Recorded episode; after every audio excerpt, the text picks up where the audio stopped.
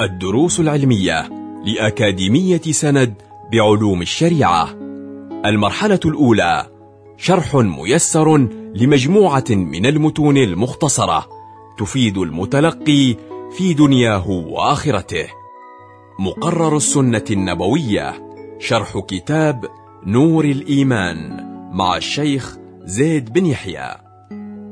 الحمد لله رب العالمين وبه نستعين على أمور الدنيا والدين وصلى الله على سيدنا محمد وعلى آله وصحبه أجمعين.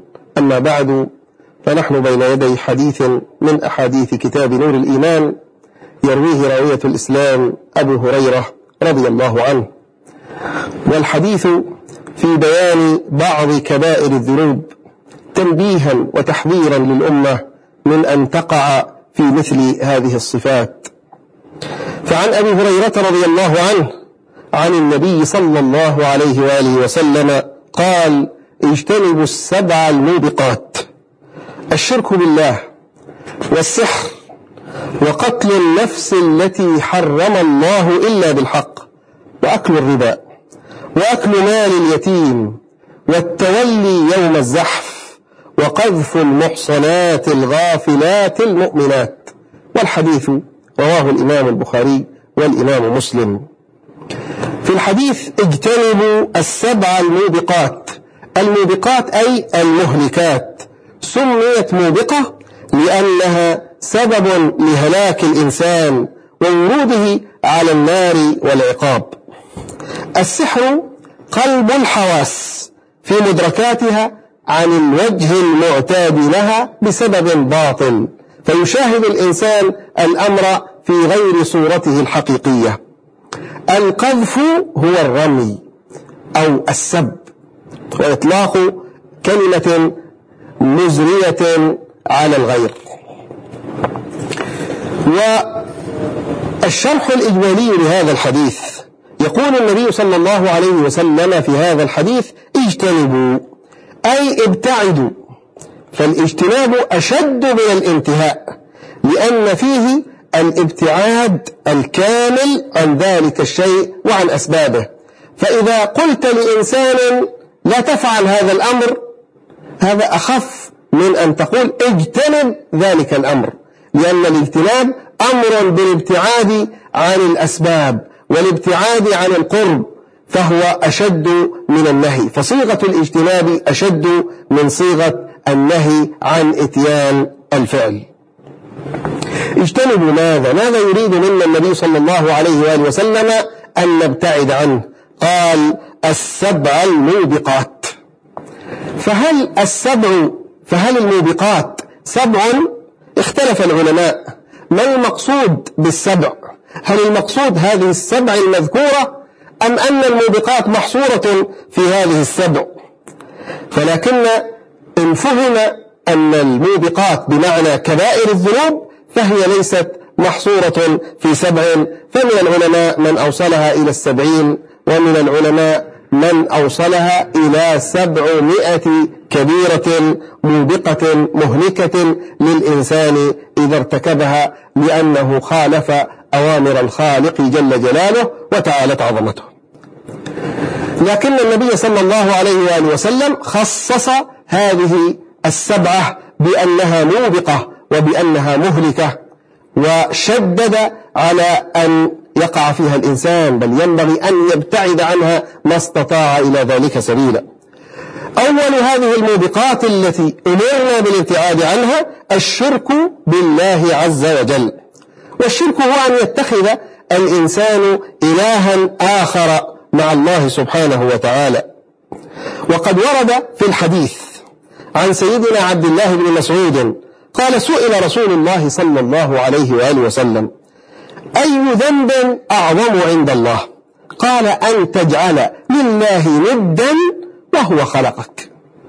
الذي يؤمن أن الله عز وجل قد خلقه من العدم وساق إليه جليل النعم كيف يأتي بإله آخر ويعبده من دون الله أو يعبده مع الله عز وجل؟ لا شك أنه أعظم ذنب يرتكبه الإنسان.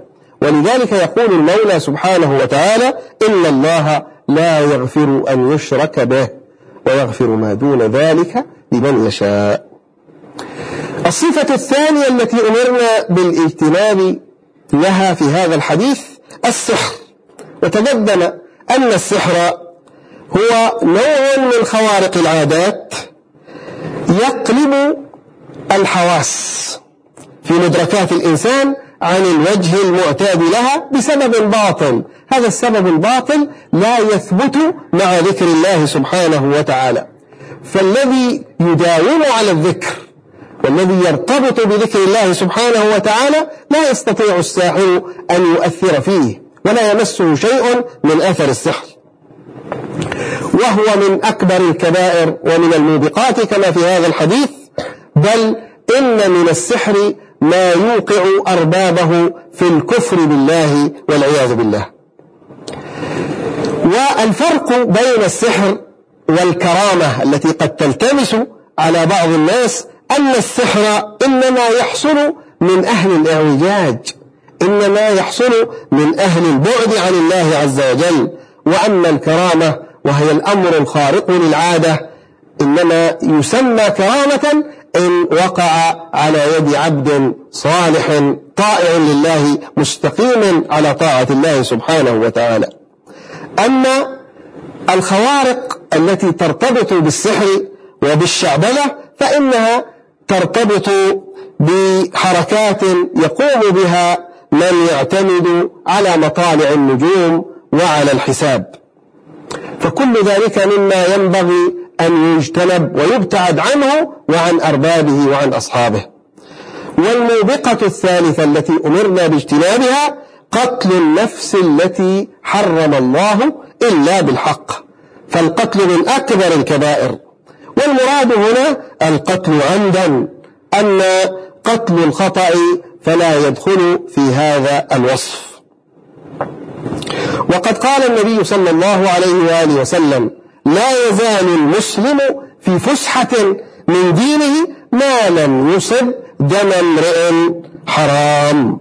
أي المسلم في فسحة من دينه في سعة في دين الله عز وجل وفي رحمة الله عز وجل ولا يضيق عليه الأمر إلا إن أزهق روحا أو أزهق نفسا من غير وجه حق. وكذلك مما لا يدخل في هذا التهديد وفي هذا الوصف وفي هذه الموبقة اقتصاص الإنسان للحق. فإذا ما قتل إنسان ظلما وجاء أولياء المقتول ليقتصوا منه أو قاموا بالاقتصاص منه بأنفسهم فإن ذلك أيضا لا يدخل في هذا الوصف ولا يكون موبقة. وكذلك أيضا ما يقوم به الوالي المسلم من مواجهة من يقومون بالبغي على حكم الإسلام أو على المسلمين فإن قتله لهم لا يعد موبقة بل هو أمر أرادته الشريعة لأجل أن يتحقق الأمن في أمة الإسلام. وأما الموبقة الرابعة فهي أكل الربا. والربا لغة النماء والزيادة. وشرعا يعرفه فقهاء الإسلام بأنه عقد على عوض مخصوص غير معلوم التماثل في معيار الشرع حال العقد أو مع تأخير في البدلين أو أحدهما. والفقهاء يذكرون أنواعا للربا فهناك ربا الفضل وهو أنواع كثيرة وهناك ربا النسيئة وهناك ربا اليد لكن الربا الذي هو منتشر في زماننا وفي عصرنا في كثير من البلدان وفي كثير من المعاملات هو ما سماه الفقهاء ربا القرض وهو كل قرض جر نفعا. كل دين يأخذه الإنسان أو يقترضه الإنسان ليرده مضاعفا أو ليرده مع زيادة عن القيمة التي اقترضها. فهذا أيضا من أنواع الربا. وكل هذه الأنواع من الكبائر. وما تأذن الله كما قال العلماء أي ما أعلن الله الحرب مثل ما أعلنه على صنفين من البشر وهم أكلة الربا والمعادين لأولياء الله وأحبابه. ولذلك ورد في الحديث لعن رسول الله صلى الله عليه وآله وسلم آكل الربا وموكله وكاتبه وشاهده وقال هم سواء. فكل من لابس أمرا مساعدا للربا سواء كان آكلا أو موكلا أو كاتبا أو شاهدا فهو داخل في هذه الحرمة وداخل في لعن رسول الله صلى الله عليه وآله وسلم. والموبقة الخامسة أكل مال اليتيم. فأمر الولاية على أموال الأيتام خطيرة جدا. ولذلك يقول الإمام عبد الله بن علي الحداد الولاية على أموال اليتامى من الأمور الخطيرة. ففيه عسر وفيه مشقة. وينبغي كما يقول الإمام الحداد الاحتراز والمبالغة والاحتياط وبذل غاية الاجتهاد في حفظ أموال الأيتام وتنميتها.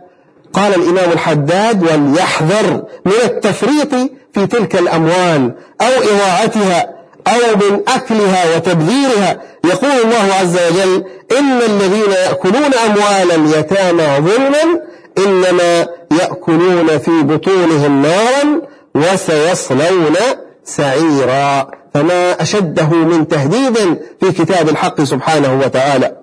ثم يقول الإمام الحداد ومثل أكل مال اليتيم أي لون من ألوان الإتلاف بالمال؟ ليس المقصود مجرد الأكل بل أي إتلاف أو أي تضييع يورث هذا المتولي الإثم سواء إحراقه أو إهماله.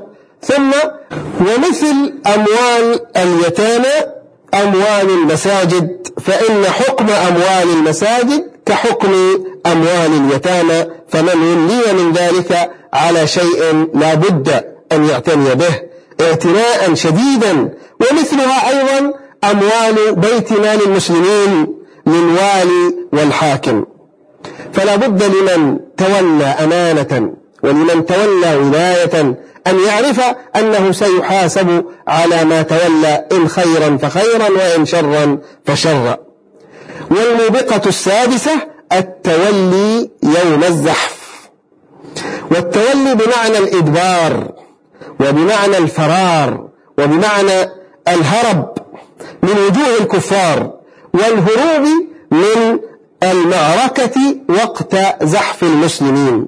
إلا إن علم هذا الفار أنه إن ثبت في المعركة قتل من غير نكاية في العدو فحينئذ لا يكون فراره موبقة ولا كبيرة من الكبائر بل إنه يباح بل قد يجب. وفي بداية الإسلام كان لا يجوز الهروب من عشرة فأقل بل يجب على المسلم أن يثبت وأن يواجههم. ثم وجد ضعف بانتشار الإسلام وضعفت القوة المعنوية فصار لا يجوز للمسلم أن يهرب من أمام اثنين. أما أكثر من اثنين فيجوز له أن يهرب ولا يجوز له أن يهرب من الساحة بعد ازدحام الصفين لأنه يضعف صفوف المسلمين. قال الله تعالى إلا متحرفا لقتال أو متحيزا إلى فئة. في هاتين الحالتين استثناء. يريد أن يكر كرة ثانية متحيز إلى فئة آه، ميمنة أو ميسرة في الجيش أو صدر أو غير ذلك. فالفرار من الزحف إذا كبيرة من الكبائر وموبقة من الموبقات وهذا إنما يكون إذا كان هناك جهاد صحيح. إذا كان هناك جهاد أعلن أنه جهاد إسلامي صحيح أهل الحل والعقد. وأجمعت عليه الأمة ولا يكون ذلك إلا إذا كان إجماعا من الأمة ومن أهل الحل والعقد فيها. أما كل قتال ليس بجهاد فلا يوصف ولا يقام عليه هذا الأمر ولا يطبق عليه هذا الأمر بل قد يأثم الإنسان أن يدخل في حرب أو في دماء في غير جهاد يشهد له أهل الحل والعقد من صلحاء علماء المسلمين. الموبقة السابعة قذف المحصنات الغافلات المؤمنات. المراد بالمحصنات النساء الحرائر العفيفات والغافلات في البيوت. ليس لهن ميل إلى الفاحشة ولا يعرفن شيئا عن الفواحش. فيقوم بقذفهن أو رميهن بارتكاب المعصية أو بارتكاب الفاحشة. فقوله المؤمنات خرج بهن الكافرات وخرج بالغافلات ما لو قذف امرأة اعترفت بالزنا أو شهد عليها بالزنا فهذه لا يكون هنا قذفا ولا يكون كبيرة من الكبائر. وقيد النبي صلى الله عليه وسلم حرمة القذف بالحرائر لأن غالب المملوكات في الأزمان السابقة كان عندهن جانب من التعرض للفاحشة. هذه إذا سبع موبقات أمرنا النبي صلى الله عليه وسلم بالابتعاد والاجتناب عن الاتصاف أو الوقوع في مهلكة من هذه المهالك أو موبقة من هذه الموبقات. فنستفيد من هذا الحديث الأمر بالبعد التام عن هذه الموبقات السبع. وعن كل ما حرم الله عز وجل. ونستفيد أيضا أن هذه السبع لأجل الذكر لأن التحديد لا مفهوم له فالموبقات أكثر من هذه السبع والكبائر أكثر من هذه السبع.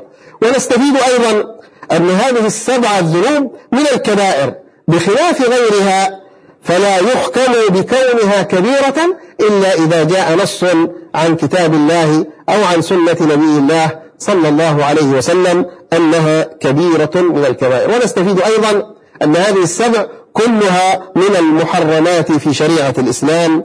ونستفيد أيضا أن القتل بحق ليس من الكبائر لأن النبي صلى الله عليه وآله وسلم قد نص في الحديث على أن القتل يكون كبيرة من الكبائر إن كان بغير الحق. فقال وقتل النفس التي حرم الله إلا بالحق. فنسأل الله عز وجل أن يلهمنا الاجتناب لكل ما نهى عنه ولكل ما نهى عنه رسول الله صلى الله عليه وآله وسلم وأن يوفقنا وأن يلهمنا المسارعة لكل ما أمر به الله ولكل ما أمر به رسول الله صلى الله وسلم وبارك عليه والحمد لله رب العالمين.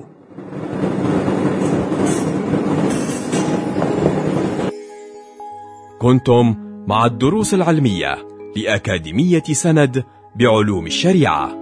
يمكنكم متابعة جميع الدروس عبر موقع الأكاديمية وتطبيقاتها الإلكترونية. سند علم سلوك دعوة.